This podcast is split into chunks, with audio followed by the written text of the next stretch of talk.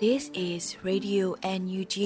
the voice of National Unity Government of Myanmar, broadcasting for Myanmar Spring Revolution. Radio NUG is transmitting from shortwave 16 meter 17.79 megahertz at 8:30 a.m. and 25 meter 11.94 megahertz at 8:30 p.m. Myanmar Standard Time. မင်္ဂလာပါရှင်။အမျိုးသားညီညွတ်ရေးအစိုးရရဲ့အတန်လွတ်ဌာန Radio NUG ကိုမန္တပိုင်း၈နိုင်ခွဲမှာလိုင်းတူ6မီတာ19.3 MHz နဲ့ညပိုင်း၈နိုင်ခွဲမှာလိုင်းတူ25မီတာ17.6 MHz တို့မှာဓာတ်ရိုက်ဖမ်းယူနားဆင်နိုင်ပါပြီရှင်။မင်္ဂလာအပေါင်းနဲ့ပြည့်စုံကြပါစေ။အခုချိန်ကစပြီး Radio NUG စီစဉ်လေးကိုဓာတ်ရိုက်အတန်လွှင့်ပေးနေပါပြီ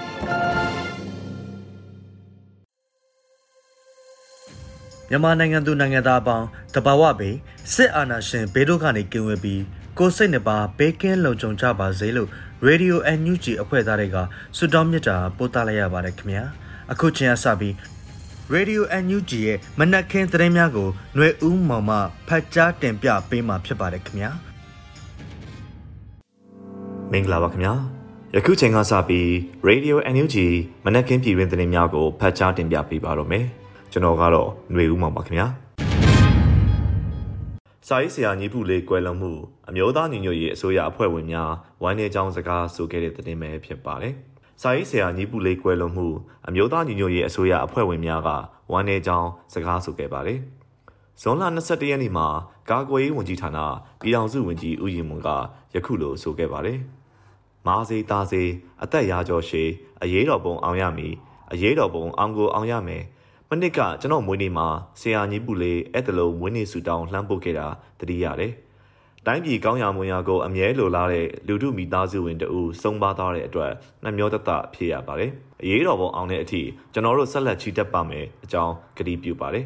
အကိုကောင်းရာမွန်ရာရောက်ပါစေလို့ ဝန်ကြီးကဆိုထားပါတယ်။လူလူတော်အမာနဲ့လူလူဦးလာတို့ရဲ့အငယ်ဆုံးသားစာရေးဆရာညီပုလေးဟာဇွန်လ22ရက်မနက်ပိုင်းမှာနှလုံးရောဂါနဲ့ကွယ်လွန်သွားခဲ့ပါတယ်။ဆရာညီပုလေးနိုင်ငံရေးသမားစာရေးဆရာကွယ်လွန်ကြောင်းကြားသိရသည့်အတွက်မိသားစုနဲ့ထပ်တူကြေကွဲဝမ်းနည်းရပါတယ်။မြမစာပေအမှုပညာလောကအတွက်တာမကနိုင်ငံရေးရည်တည်ချက်ဖြတ်တန်းမှုတံပိုးများကဆရာရေးထိုးခဲ့တဲ့မှတ်ကြောက်တွေအဖြစ်ခြံရစ်ခဲ့ပါပြီဆရာ။ကောင်းညာဘုံဘဝမှာ အေဂျင့်စွာနားခိုနိုင်ပါစေလို့နိုင်ငံသားရေးဝန်ကြီးတော်စင်မအောင်ကလည်းဆိုထားပါတယ်။စာရေးဆရာညီပူလေးဟာလူထုဦးလှအမိလူထုတော်အမာတို့ရဲ့ပြစ်စမမြောက်သားငယ်ဖြစ်ပြီးစာပေအမှုပညာနယ်ပယ်မှာထင်ရှားသူတူဦးလည်းဖြစ်ပါတယ်။အမျိုးသားစာပေစုကိုထက်မြက်သောဓာတ်သွားပေါ်ကချိုမြမြပြားရည်ဆက်စာအုပ်ဖြစ်ရရှိခဲ့ပါတယ်ခင်ဗျာ။ ဆက်လက်ပြီးပြည်ထောင်စုဝန်ကြီးဦးအောင်မျိုးမင်းအီတလီနိုင်ငံသားကြီးနှင့်အပြည်ပြည်ဆိုင်ရာပူးပေါင်းဆောင်ရွက်ရေးဝန်ကြီးဌာနတာဝန်ရှိသူတို့နဲ့တွေ့ဆုံ၍စစ်ကောင်စီအပေါ်စစ်လက်နက်နှင့်အသုံးဆောင်ပစ္စည်းများဖျက်တောက်တားဆီးနိုင်ရေးဆွေးနွေးခဲ့တဲ့တဲ့တင်ကိုတင်ဆက်ပေးပါမယ်။ ပြည်ထောင်စုဝန်ကြီးဦးအောင်မျိုးမင်းအီတလီနိုင်ငံသားရေးနဲ့ပြည်ပြည်ဆိုင်ရာပူးပေါင်းဆောင်ရွက်ရေးဝန်ကြီးဌာနတာဝန်ရှိသူတို့နဲ့တွေ့ဆုံ၍စစ်ကောင်စီအပေါ်စစ်လက်နက်နဲ့အသုံးဆောင်ပစ္စည်းများဖျက်တောက်တားဆီးနိုင်ရေးဆွေးနွေးခဲ့တယ်လို့ဇွန်လ22ရက်နေ့မှာအမျိုးသားညီညွတ်ရေးအစိုးရလူ့အခွင့်အရေးဆိုင်ရာဝန်ကြီးဌာနကအသိပေးဆိုထားပါတယ်။လူ့အခွင့်အရေးဆိုင်ရာဝန်ကြီးဌာနပြည်ထောင်စုဝန်ကြီးဦးအောင်မျိုးမင်းသည်အီတလီနိုင်ငံသားရေးနှင့်ပြည်ပြည်ဆိုင်ရာပူးပေါင်းဆောင်ရွက်ရေးဝန်ကြီးဌာန၏ Deputy Director General Principal Director for Asia Oceania at Antarctica Directorate General for Globalization ဖြစ်သူ Alexander Chiavo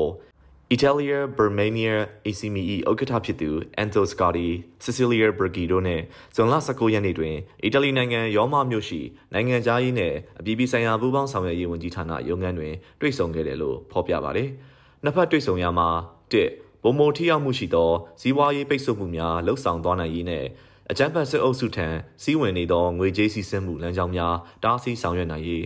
နှင့်စစ်လက်နက်နှင့်အသုံးဆောင်ပစ္စည်းများဖျက်တောက်တားဆီးနိုင်ရေး၃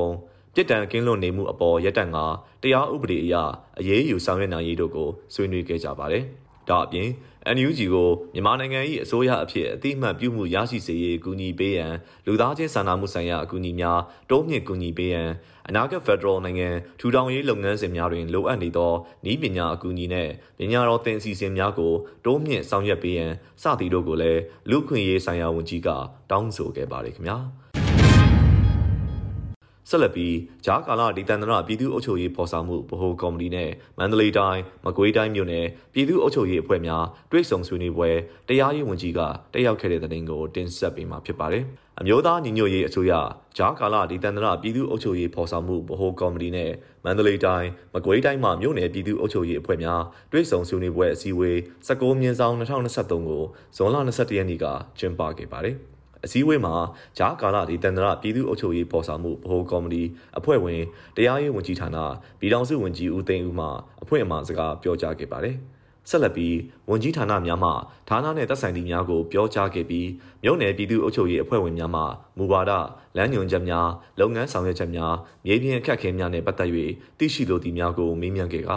ဝန်ကြီးဌာနမှတာဝန်ရှိသူများမှပြန်လည်ဖြေကြားခဲ့ပါတယ်။ တွေ့ဆုံပွဲသို့ပြည်ထောင်စုဝန်ကြီးဦးသိန်းဦးမှဦးဆောင်ကအမြဲတမ်းအတွင်းဝင်များတွဲဘက်အတွင်းဝင်များဌာနဆိုင်ရာများမှတာဝန်ရှိသူများနဲ့မန္တလေးတိုင်းမကွေးတိုင်းမှမြို့နယ်ပြည်သူ့အုပ်ချုပ်ရေးအဖွဲ့ဝင်များတက်ရောက်ခဲ့ကြပါတယ်ခင်ဗျာဆက်လက်ပြီးပြည်ထောင်စုလွှတ်တော်ကိုစားပြုကော်မတီအလုံသမားရေးရာကော်မတီမှຫນွေဦးဒေါ်လန်ရေးကိုအထောက်အပံ့ဖြစ်စေမိလုပ်ငန်းအစီအစဉ်များအားအကောင့်တဲပေါ်ဆောင်ရွက်နိုင်ရေးညှိနှိုင်းဆွေးနွေးခဲ့တဲ့တဲ့တင်ကိုတင်ဆက်ပေးပါမယ်။ပြည်ထောင်စုလွှတ်တော်ကိုစားပြုကော်မတီအလုံသမားရေးရာကော်မတီသည် နွေဦးဒေါ်လာရေးကိုအထောက်ပံ့ဖြစ်စေနိုင်ပြီးလုပ်ငန်းအစီအစဉ်များအားအကောင့်အထည်ပေါ်ဆောင်ရွက်နိုင်ရေးနဲ့နိုင်ငံတကာအကူအညီများရရှိနိုင်ရေးအတွက်အမျိုးသားညီညွတ်ရေးအစိုးရစီးပွားရေးနဲ့ကုသန်းရောင်းဝယ်ရေးဝန်ကြီးဌာနမှတာဝန်ရှိသူများနဲ့ဇွန်လ20ရက်နေ့တွင်တွေ့ဆုံဆွေးနွေးခဲ့တယ်လို့သတင်းရရှိပါတယ်။ဆွေးနွေးပွဲတွင်အလုံသမားရေးရာကော်မတီအတွင်းရေးမှူးဒေါက်တာခင်မကြီးကတွေ့ဆုံဆွေးနွေးခြင်းရည်ရွယ်ချက်အားရှင်းလင်းပြောကြားခဲ့ပါတယ်။ ထို့နောက်ပြည်ထောင်စုဝန်ကြီးဒေါ်ခင်မမမျိုးကတွဲဆောင်ဆွေးနွေးရန်ဖိတ်ကြားမှုအတွက်ကျေးဇူးတင်ရှိကြောင်းယခုလိုပုံမှန်တွဲဆောင်ဆွေးနွေးမှုမှတဆင့်လက်တွေ့အကောင့်ထဲပေါ်ဆောင်ရွက်နိုင်ပြီးလမ်းစာများတွေ့လာနိုင်မည်ဖြစ်ကြောင်းရှေ့ဆက်ပူးပေါင်းဆောင်ရွက်သွားနိုင်မည့်ကဏ္ဍများရှိလာမည်ဟုလည်းယုံကြည်ပါကြောင်းနှုတ်ခွန်းဆက်စကားပြောကြားခဲ့ပါတယ်။ ထို့နောက်တက်ရောက်လာသူများက CDM များနိုင်ငံရေးတက်ကြွလှုပ်ရှားသူများနဲ့စစ်ပေးဆောင်ပြည်သူများအတွက်အလုတ်ကိုင်းအခွင့်အလမ်းများရရှိနိုင်ရေးအစီအစဉ်များຫນွေဦးတော်လန်ရေးကိုအထောက်ပံ့ဖြစ်စေနိုင်မည့်လုပ်ငန်းအစီအစဉ်များအားအကောင့်တဲပေါ်ဆောင်ရွက်နိုင်ရန်နိုင်ငံတကာအကူအညီများရရှိနိုင်ရန်နဲ့ချိတ်ဆက်လှုပ်ဆောင်သွားမည့် fundraising ဆိုင်ရာကိစ္စရပ်များအပေါ်အပြန်အလှန်ညှိနှိုင်းဆွေးနွေး၍ရှေ့ဆက်လုပ်ငန်းစဉ်များနဲ့ဆက်လျင်းသည့်သဘောတူညီမှုများချမှတ်နိုင်ခဲ့ကြပါသည်။ အစည်းအဝေးသို့အလုံသမားရေးရာကော်မတီအတွင်းရေးမှူးနဲ့အဖွဲ့ဝင်များစီးပွားရေးနဲ့ကုသန်းရောင်းဝယ်ရေးဝန်ကြီးဌာနမှပြည်ထောင်စုဝန်ကြီးနဲ့တာဝန်ရှိသူများပါဝင်တက်ရောက်ခဲ့ကြပါတယ်ခင်ဗျာဆက်လက်ပြီးအကြမ်းဖက်စစ်တပ်ကလေကြောင်းတိုက်ခတ်မှုကြောင့်အသက်ဆုံးပါသွားကြသူများ၏ကြံရစ်သူမိသားစုများကိုစိတ်ခွန်အားပေးခြင်းအစီအစဉ်များဆောင်ရွက်ခဲ့တဲ့တဲ့တင်ကိုတင်ဆက်ပေးပါမယ်။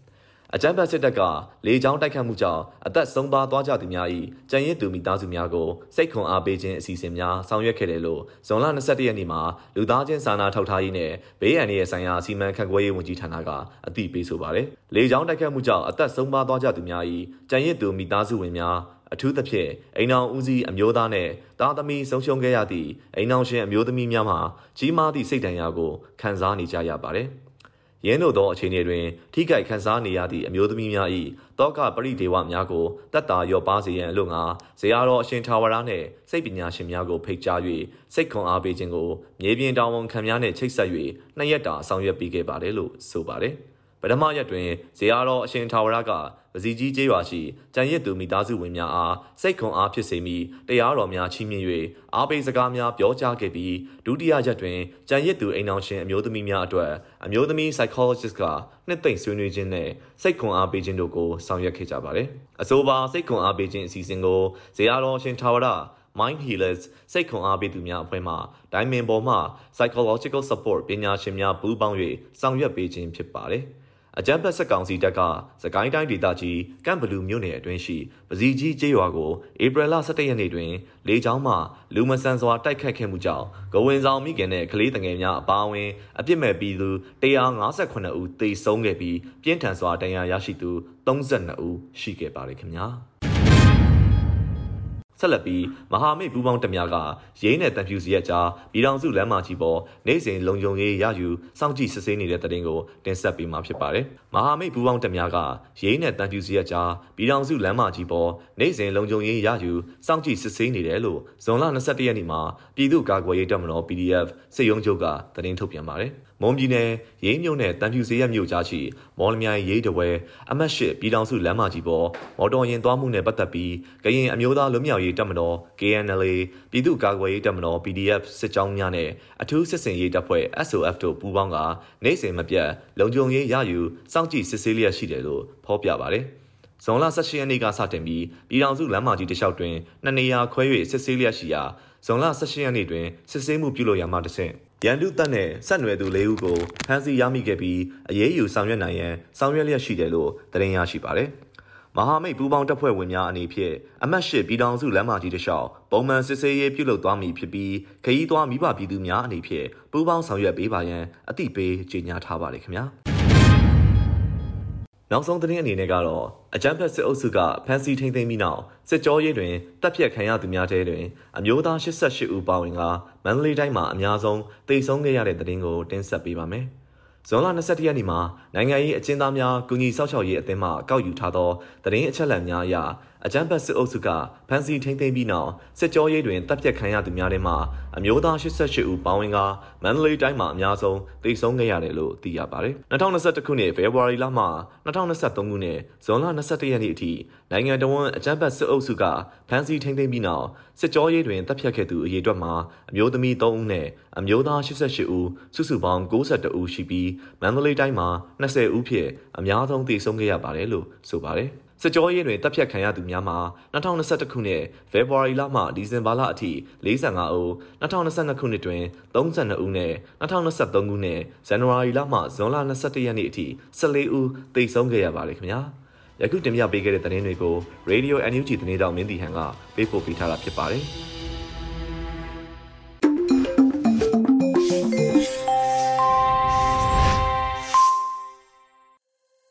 ရေဒီယိုအန်ယူဂျီမှာဆက်လက်အတန်လွှင့်နေပါတယ်အခုတခါတော်လန်ကြပြအနေနဲ့ကြပြဆရာနေသွင်းတိုင်းရေးသားတဲ့နိုင်ငံတော်အချင်းချုပ်လို့အမည်ရတဲ့တော်လန်ရေးကြပြကိုကျွန်တော်ຫນွေဦးမိုးမှရွတ်ဖတ်ပေးထားပါတယ်ခင်ဗျာနိုင်ငံတော်အချင်းချုပ်လွယ်အိတ်ခဲနံပေဒံမိုးကာတီပလာစာအုပ်ကခကကငါ တင်ရိုးတစ်အတန်းတစ်တငယ်ချင်းတစ်စိုက်ခင်းနိုင်ငံတော်အလံကြောင်းတက်ခေါလောင်းတန်မုတ်စေတန်ဘောလုံးကွင်း ABCD EFG ရောင်စုံခဲနမြစီးနေဝါရေစေးစီစေးစီးနေဝါအအမေတို့တိုင်းပြည်မမဝဝထထက စပါးရွှေဝါဝင်းပါစိသူကောင်းမှာတဲ့တပြင်းညိုငါကောင်းမှာတဲ့တပြင်းညို Twinkle Twinkle Little Star ထန်ကရိုင်းပုပ်ပါနှစ်တောင်အခေါင်မြင့်ဖျားသူစိပူပါဝိလိတိတာဘိုကျုပ်အောင်စမ်းတဲ့တကွကြဆုံးလေပြီးတော့အာဇာနေကောင်းဆောင်များကို အလေးပြုရင်းနေမြဲ တရားမျှတလွတ်လပ်ခြင်းနဲ့မသွေကဘာတချမ်းကကံများပညာရေးဖြင့်ခေတ်မီဖွံ့ဖြိုးတိုးတက်သောနိုင်ငံတော်ကြီးပညာရေးဝဲသည်မရှိငှတ်တွင်ပြန်ကြွမတက်သောတေခြင်းစစ်ပြေလံမျက်ရည်သွေးငပြောဥမိုးကာတဲတနတ်ဘုံ ပုံချင်းရန်နံ့မီးခိုးများအယိုးစုများကျွဲတိမ်နွားတိမ်များလေရင်ပြန်များစင်တစ်ဖက်ကျွဲတစ်ဖက်ခြေတစ်ဖက်လက်တစ်ဖက်မင်းနဲ့ဖုတ်ဖုတ်ကျေးလက်မသေးထမင်းမသေးဟင်းတစ်ဥတစ်ဖုကြဆုံးလေပြီးတော့ຫນွေဦးကျဲများကိုအလေးပြုရင်ကပါမကြည့်ဘူး ကပါတစ်ဖက်ကတ်တားများပညာရေးဝေးသည်မရှိနေတွင်နိုင်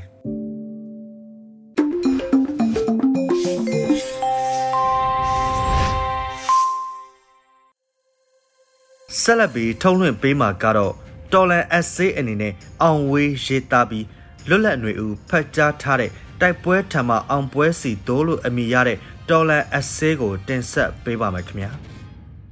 တိုက်ပွဲထံမှ အောင်ပွဲစီတို့တိုက်ပွဲရှိရင် အောင်ပွဲရှိတယ်အောင်ပွဲဆိုတာတိုက်ရဲသူတွေအတွက်ပဲဖြစ်တယ်ဆရာစောစောအောင်ပြောခဲ့ဘူးတယ်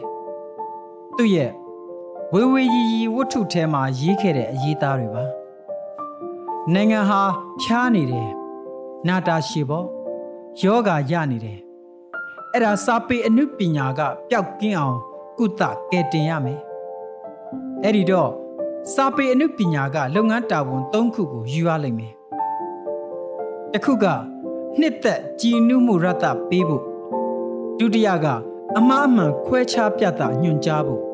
နောက်ဆုံးတစ်ခုကတော့လူတွေရဲ့ဝိညာဉ်ကိုကယ်တင်ဖို့နဲ့နိုင်ငံတော်ကိုကုစားဖို့ပါပဲတဲ့ဆရာစောစောအောင်ကဆက်ပြောပါတယ် ရုပ်ပစ္စည်းချမ်းသာဖို့ကြွယ်ဝဖို့ပြည့်စုံဖို့ဆိုတာတိတ်မခက်ဘူးတကယ်ခက်တာကစိတ်စိတ်ဓာတ်အရေးအရာမှာအားနည်းနေတာ အောက်တန်းကျနေတာချွတ်ချုံကျနေတာတွေကို ဖြည့်ဆည်းဖို့ကတိတ်ခက်တယ်သိပ္ပံနဲ့ဤပညာကလည်းထိထိရရောက်မကယ်နိုင်ဘူး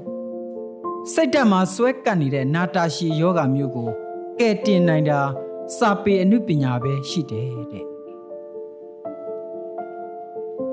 အခုကျွန်တော်တို့တိုင်းပြည်ဟာနာမကျန်းဖြစ်နေတယ်တော်လှန်ရေးဖြစ်နေတယ်စစ်ဖြစ်နေတယ်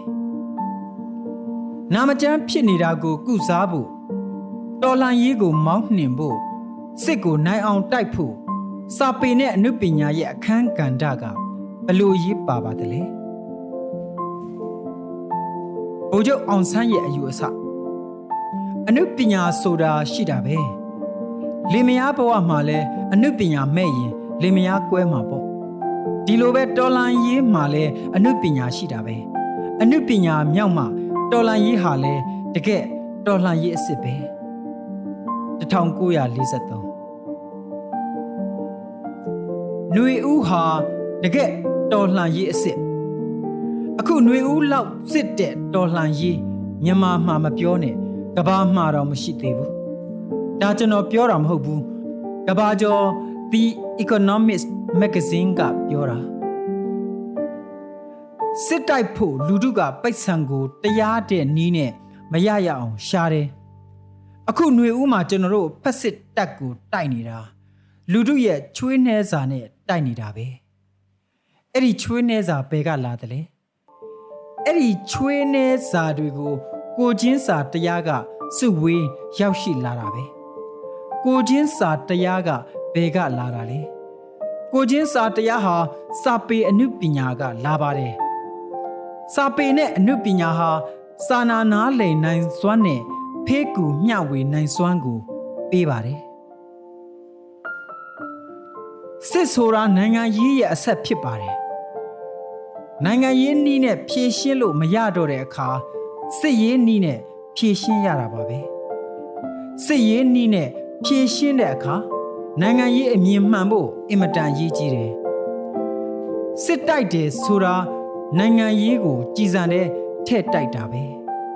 နိုင်ငံရေးဥဆောင်မှုမှန်မှစစ်ရေးမှန်မယ်နိုင်ငံရေးဥဆောင်မှုမဟန်ရင်စစ်ရေးကမဟန်ပါဘူးစစ်နဲ့တော်လှန်ရေးကာလမှာနိုင်ငံရေးနဲ့စာပေအမှုပညာတို့ဟာခွဲခြားလို့မရတသားဒီပါပဲ ဒီနေ့ကျွန်တော်တို့စစ်အာဏာရှင်စနစ်ကိုတော်လှန်နေတယ်ဒီနေ့ကျွန်တော်တို့စစ်တိုက်နေတယ်တိုက်ပွဲဝင်နေတဲ့ကျွန်တော်တို့အားလုံးရဲ့နှလုံးသားတွေဟာဘဝအရလက်တွေ့အခြေအနေအရကြမ်းခက်မာကြောနေတယ်ကျွတ်ဆကြမ်းရှာနေတယ်အဲ့ဒီကြမ်းခက်ကြမ်းရှာနေတဲ့နှလုံးသားတွေနူးညံ့လာအောင်ဖြည့်သိမ့်ပေးဖို့လိုတယ် ဘယ်တော့မှကြိုးပဲ့မသွားဘူးမုံတိုင်းကိုအန်တုရင်ဆိုင်နိုင်တယ်မိုးမခပင်တွေကပျော့ပြောင်းတယ်ပျော့ပြောင်းခြင်းသည်တန်ဆွမ်းခြင်းဖြစ်တယ်လို့တကုံတာယာဆိုတယ်ကျွန်တော်တို့ဟာခေတ်စကားနဲ့ပြောရရင် flexible ဖြစ်ရမယ် mobile ဖြစ်ရမယ်ပြောင်းနိုင်ပြင်နိုင်ရမယ်ရွှေ့လွယ်လျားလွယ်ရမယ် ဒါတွေကိုစာပေအမှုပညာကသင်ကြားပေးနိုင်တယ်ဒီနေ့ຫນွေဦးတော်လန်ရေးထမ်းဖို့တဒုံဒီမှာအတူယုံနေတဲ့ပခုံးသားနှစ်စုံတစ်ခုကနိုင်ငံရေးပခုံးသားတစ်ခုကစစ်ရေးပခုံးသားစာပေအမှုပညာဟာနိုင်ငံရေးပခုံးသားမှာဝိညာဉ်တွဲတယ် အဲ့ဒီနိုင်ငံရေးပခုံးသားမှာဝိညာဉ်တွဲငင်နေတဲ့စာပေအမှုပညာထဲမှာမီဒီယာတွေရဲ့အခန်းကဏ္ဍဟာလဲကြီးကြီးမားမားပါဝင်နေပါတယ်ဒီအထဲမှာကရုတ်ကျင်းတွေထဲကဘုံခိုကျင်းတွေထဲကလွတ်မြောက်နေမီထဲကစာစဉ်တွေစာဆောင်တွေဂျာနယ်တွေ website တွေတာဝန်ကြည်ကြပေရဲ့ မီဒီယာမှန်ရင်တန်ဖိုးနှစ်ခုရှိစမြဲတမိုင်းတန်ဖိုးနဲ့အလွမ်းတန်ဖိုးအလွမ်းတန်ဖိုးဆိုတာကအနာဂတ်ကိုယုံကြည်မျှော်လင့်တဲ့အလှတရားတန်ဖိုးအလှတရားကသာလျင်အမှန်တရားကိုမွေးဖွားပေးနိုင်တာဖြစ်တယ်။အောင်ဝေး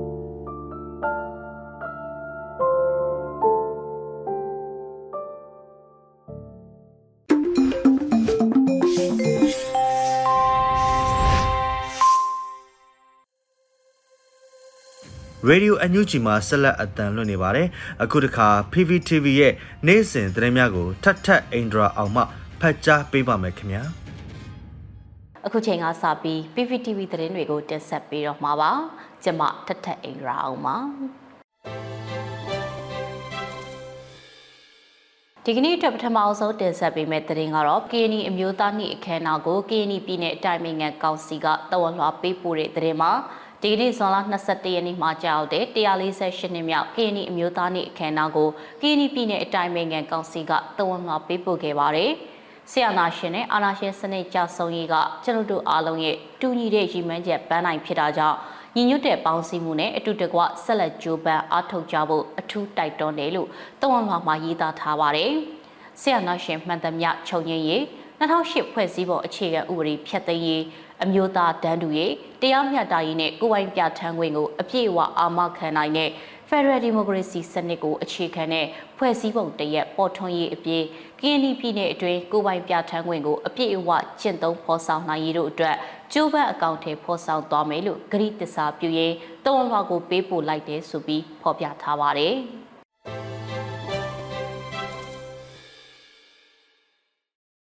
အခုနောက်ဆုံးအနေနဲ့မြန်မာနိုင်ငံတဝန်းကလူမျိုးပေါင်းစုံဘာသာပေါင်းစုံပါဝင်တဲ့ဆရာနာရှင်အမြင့်ပြည့်ချီမှုန်ရေးလူလူဆန္ဒပြပွဲသတင်းတွေကိုစူးစီးတင်ဆက်ပေးပါမယ်။ရင်းမပင်မြို့နယ်မြောက်ချမ်းဆရာနာရှင်စန့်ကျင်ရေးတပိတ်အင်အားစုကဒီကနေ့မှာအကြမ်းဖက်စစ်တပ်ကြာရှုံးရေးအဖြစ်အာယုံဥတပိတ်ပြုလုပ်ပါတယ်။ တော်လှန်ပြည်သူတွေကຫນွေဦးမှသည် Federal စီတို့ဆိုတဲ့စာသားကိုကင်ဆွဲပြီးတော့အကြမ်းဖက်စစ်တပ်ကြာရှုံးရေးဟစ်ကြွေးမှုတွေနဲ့ချီတက်လှည့်လည်ခဲ့တာပါ။စကိုင်းတိုင်းငားမြင်းဆောင်ကလေးမြို့လူလူတပိတ်ကတပိတ်တရားဟောတာနဲ့အကြမ်းဖက်စစ်တပ်ကြာရှုံးရေးဆန္ဒပြတပိတ်ကိုဒီကနေ့မှပြုလုပ်ကြပါရယ်။တော်လှန်ပြည်သူတွေကငားမြင်းဆောင်ကလေးမြို့လူလူတပိတ်တပိတ်ဟောပြောဝင်နဲ့ဘေးရပြန်အန်ကိုခဲပန်းပန်လျက်ပဲဆိုတဲ့စာသားကိုကင်ဆွဲပြီးဆန္ဒပြလှုပ်ရှားမှုပြုလုပ်ခဲ့တာပါ။ ရမပင်စလိန်ကြီးဟာပေါင်းဆောင်တပိတ်ကတော့အကျန်းဘတ်စစ်တပ်ကြာရှုံရေးဆန္ဒပြတပိတ်ကို823ရက်မြောက်ဖြစ်တဲ့ဒီကနေ့မှာပြုလုပ်ပါတယ်။တော်လန်ပြည်သူတွေကရွာပေါင်းဆောင်လူလူတပိတ်စစ်ကြောင်းဆိုတဲ့စသားကိုကင်ဆွဲပြီးတော့ချီတက်ဆန္ဒပြခဲ့ကြတာပါ။ကဏီမြို့နယ်မှာတော့နှွေဦးတော်လှန်ရေးတပိတ်အင်အားစုကဥဆောင်ပြီးကျေးရွာ၄ရွာကပြည်သူတွေနဲ့အတူဆုတောင်းတပိတ်ပြုလုပ်ကြပါတယ်။တော်လှန်ပြည်သူတွေကခေအဆက်ဆက်နဲ့မြမຫນွေဦးတော်လှန်ရေးကာလတလျှောက် ကြဆုံးကျွေလွင့်သွားတဲ့ရဟန်းရှင်လူចောင်းသားမိဘပြည်သူတွေကိုဆွတ်တောင်းမြစ်တာပို့တာတာနဲ့နိုင်ငံတော်အတိုင်ပင်ခံပုဂ္ဂိုလ်ဒေါအောင်ဆန်းစုကြည်အပါအဝင်ဖမ်းဆီးခံထားတဲ့ပြည်သူတွေအလုံးဘေးကင်းချမ်းသာစွာအမြဲဆုံးလွတ်မြောက်ရေးဆွတ်တောင်းတာတွေကိုပြုလုပ်ခဲ့ကြပါတယ်။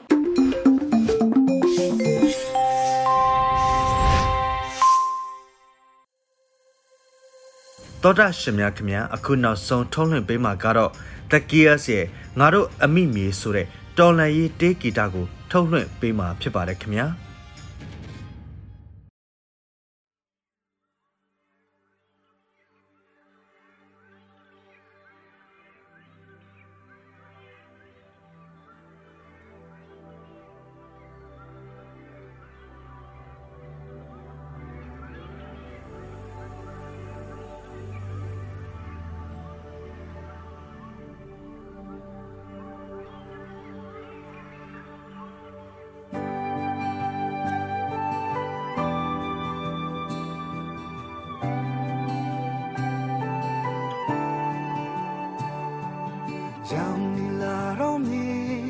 တကယ်တခုဆောင်နေပြီပေးစခဲ့သမျှမင်းရဲ့ကြောင်တွေကမှမမောကွန်တီသူရှောင်းမရောက်မခီတကြိုးလက်ဆောင်လို့ပြီညလင်းချက်ခုနဲ့ဝဲခဲ့တော့လေဆန်လာခဲ့ပြီ I'm mad to let again my Go right to some yeah yeah let try Goodbye ရှင်သမားစီရောင်ဆုံးပန်းများလေးဖူးပန်းကြစေမြမပြေရေတန်ချိုးစေအိမ်ကြောင်များတိုင်းလာပါကြလေကလေးလေး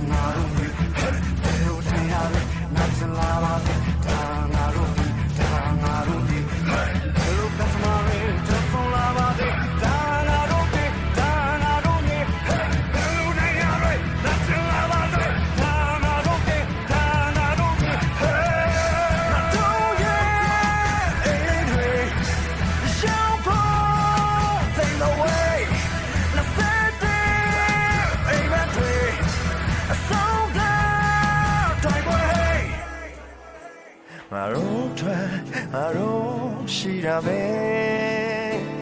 ကိုယ်တိုင်သူစမဲရဲရဲလက်တွေ